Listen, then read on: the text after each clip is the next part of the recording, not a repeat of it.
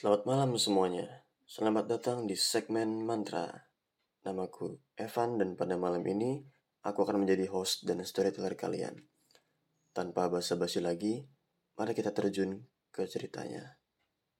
Kita sebut saja Dimas. Dimas ini hidup di sebuah rumah tingkat tiga bersama keluarganya dengan total tujuh orang. Biar nggak bingung, aku sebut ayah dan mama Dimas, paman dan bibi, om dan tante, dan yang terakhir adalah nenek. Dimas ini lagi main-main di halaman rumah bareng teman-temannya yang waktu itu masih anak-anak. Terus di tengah-tengah permainan, ada bunyi seperti ledakan di atap rumah Dimas. Seketika semua terdiam dan mencari tahu apa penyebab dari bunyi tadi.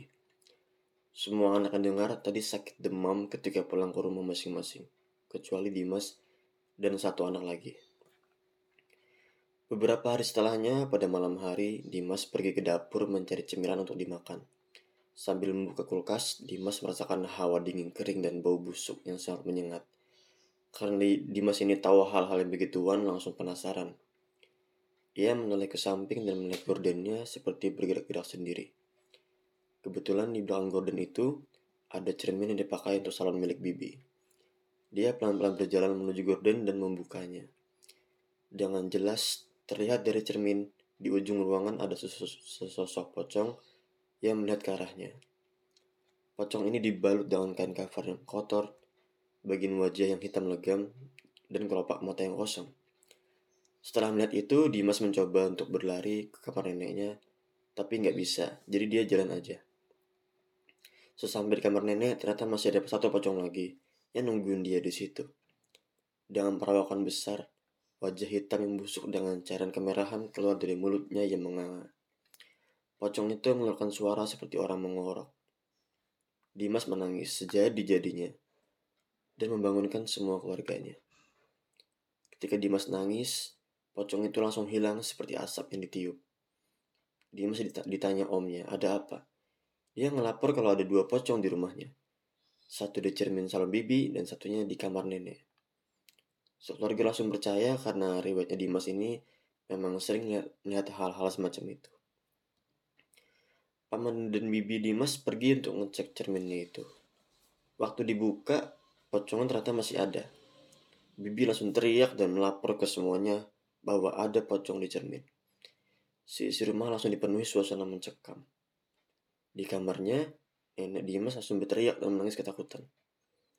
Karena om dan tante, dan tante Dimas ini adalah orang religius, mereka mencoba untuk menetralisir rumah mereka dengan membaca doa di sekitaran rumah menaburkan garam ke ujung-ujung ruangan di mana pocong-pocong tadi berpotensi muncul.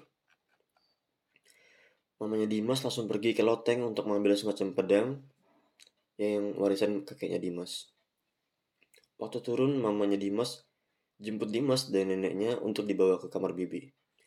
Habis itu mamanya Adi naik lagi ke loteng buat jemput om dan tante Dimas yang lagi baca baca ayat suci.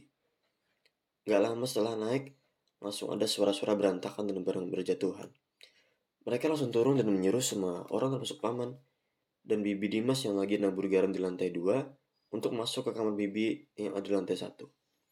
Semua keluarga yang ada di rumah sudah masuk ke kamar bibi, kecuali mama, ayah, om, sama tante Dimas. Mereka pergi melepas semua gorden di rumahnya dan mamanya Dimas menusuk semua cermin dengan pedang yang diambil dari loteng tadi supaya nggak dijadikan tempat untuk bersembunyi. Karena konon, konon pocong ini nggak punya wujud seperti manusia, di mana mereka tidak memiliki bayangan. Dan benar aja pocong itu nggak muncul lagi di lantai satu.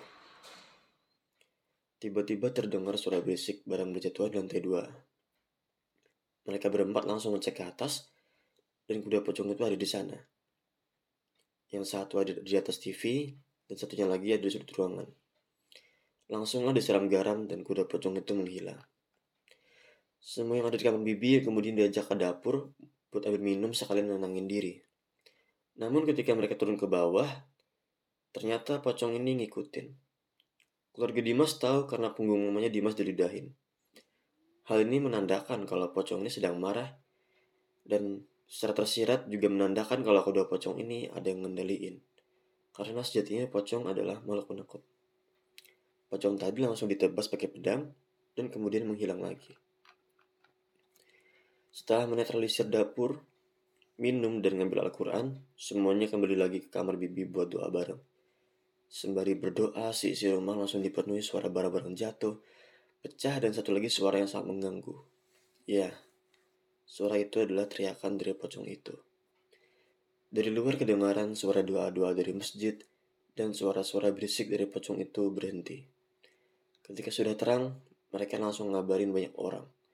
Warga setempat, aparat desa, polisi, dan bahkan manggil dokter buat ngecek keadaan nenek Dimas.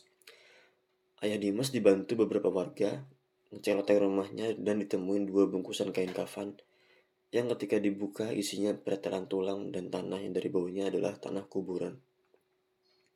Pamannya Dimas beserta beberapa warga lain mendoakan kedua bungkusan itu supaya tahu siapa yang ngirim. Tiba-tiba bungkusan itu kelempar sendiri ke arah tetangga Dimas yang merupakan penjahit tajir. Rumahnya itu kemudian diketok-ketok sama polisi, tapi nggak direspon. Akhirnya pintunya pun didobrak. Setelah masuk, ditemuin barang-barang yang nggak masuk akal. Ada gundukan tanah kuburan, kembang, boneka santet, kris, dan barang-barang berbau klinik lainnya Bahkan foto-foto banyak orang juga banyak berserakan di situ. Tapi di rumah itu nggak ada orang sama sekali. Mungkin aja tukang jahit itu langsung kabur setelah mengetahui bahwa dua bungkusan yang dilempar ke rumah Dimas itu nggak bisa diambil lagi. Singkat cerita, tukang jahit ini dicari dan ditangkap. Lalu rumahnya dibongkar. Mungkin beberapa dari kalian bertanya, mengapa penjahit ini mencoba buat nyontek keluarga Dimas? Ternyata diketahui kalau penjahit ini baru menjadi dukun atau lagi belajar. Dia nyoba ilmunya ke sebarang tempat dan kebetulan rumah keluarga Dimas ini dijadikan sasaran. Karena salah sasaran, dia mencoba ambil lagi tapi kayak bisa dan akhirnya kabur. Baik, begitulah cerita dari seorang Dimas yang merupakan salah satu kisah nyata yang aku dapetin dari Twitter. Kalau misalnya kalian memiliki cerita horor kalian sendiri, kalian bisa mengirimkan ke email kami. Semoga kalian menikmati cerita ini. Salah hilap, mohon maaf. Assalamualaikum warahmatullahi wabarakatuh.